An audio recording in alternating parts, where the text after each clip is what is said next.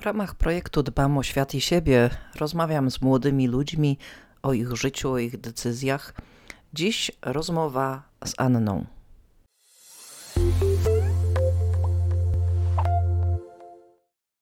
Anna jest instagramerką. Poznałam ją podczas prowadzenia warsztatów z psychologii internetu dla młodych dorosłych. Poszła na nie z nadzieją uzyskania wiedzy, jak zwiększyć zasięgi, wyszła z refleksją dotyczącą czegoś innego. Anna ma konkretny cel. Promuje fit styl życia, dietę i treningi i ma już kilkanaście tysięcy obserwujących. Dużo w to inwestuje czasu, ma nawet konkretny biznesplan i jest zadowolona z dotychczasowych rezultatów.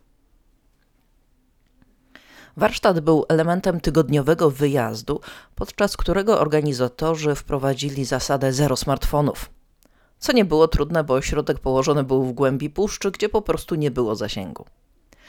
Dla Anny było to ok, bo zaplanowała szereg postów na czas pobytu, które publikowały się automatycznie, więc teoretycznie miała spokojną głowę.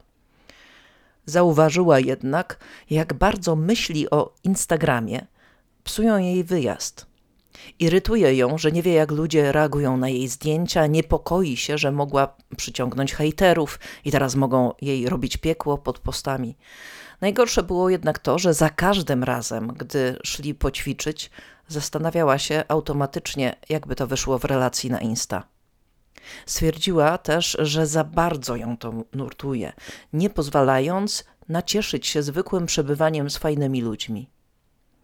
W połowie wyjazdu nie wytrzymała i zadzwoniła z telefonu stacjonarnego ośrodka do męża z prośbą, by sprawdził, co tam się dzieje z jej kontem, a on odpowiedział, że jej totalnie odwala i nie ma zamiaru. Potem był mój warsztat. Podczas warsztatów omawialiśmy m.in. wpływ mediów społecznościowych na nasz sposób funkcjonowania, jak mogą nas uzależniać. Anna zauważyła, że Instagram przestał być dla niej narzędziem biznesowym, a zniewolił ją. Do tego stopnia, że codziennie poświęcała mnóstwo czasu na wyreżyserowanie idealnego zdjęcia. W ten sposób każdy posiłek czy trening wydłużał się w nieskończoność, a ona wciąż nie była zadowolona. Właśnie z tego powodu pokłóciła się z mężem, który chciałby więcej czasu spędzali razem, a nawet zaczął nieśmiało wspominać o dzidziusiu. Wtedy wypaliła mu, że nie jest Anną Lewandowską, by godzić sport, bycie instagramerką matką i musi jeszcze wiele się napracować, by odnieść prawdziwy sukces. Anna jednak w porę zdała sobie sprawę, że przekroczyła granicę między pomysłem na biznes a obsesją, uzależnieniem. Z pierwotnego planu, gdzie było miejsce i na męża, i przyjaciół, a nawet dzidziusia, zostało niewiele ze względu na dręczącą ją non-stop niepokój i obsesyjne myśli. Postanowiła wrócić do pierwotnych, ścisłych ram czasowych pracy nad swoim Instagramem i ograniczyć czas robienia zdjęć, tak by zadowolić się wystarczająco dobrym, a nie dążyć do nieosiągalnego ideału. Postanowiła wyłączać smartfona w czasie wolnym i cieszyć się obecnością męża i przyjaciół. A jednocześnie powiedziała mi, że po raz pierwszy w życiu usłyszała od kogoś, że to, co spostrzegała jako swą pasję, może być w rzeczywistości uzależnieniem. Do tej pory koleżanki utwierdzały ją, że powinna w stu procentach się oddać swojej karierze na Instagramie, a mąż po prostu musi się pogodzić z jej priorytetem, jakim jest samorealizacja.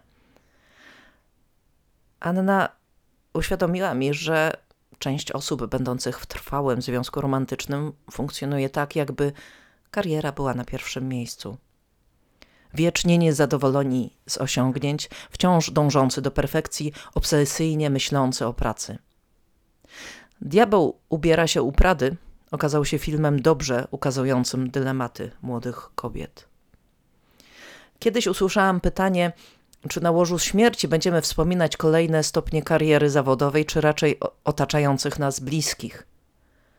Prawdziwi ludzie sukcesu są znani z zachowywania idealnego life-work balance, czyli równowagi między życiem zawodowym a prywatnym.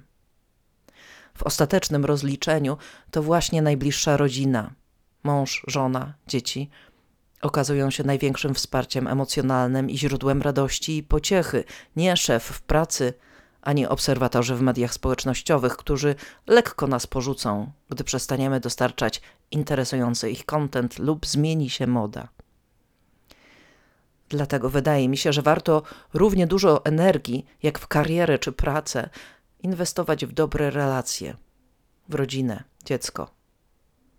Budując rodzinę, inwestujemy w najtrwalsze źródło satysfakcji, radości, wsparcia. W moim odczuciu nikt nie wybrałby świadomie losu Anny Hathaway, bohaterki Diabeł ubiera się u Prady, czy nawet gigantyczny sukces zawodowy jest wart ofiary z kolejnych rozwodów i samotności. Problem? To nie jest coś, co przychodzi automatycznie. Tego potrzebujemy się nauczyć. Można na przykład skorzystać z książki Mądre życie, jak stworzyć równowagę między pracą a rodziną. Roger Merrill, Rebecca Merrill. Zapraszam.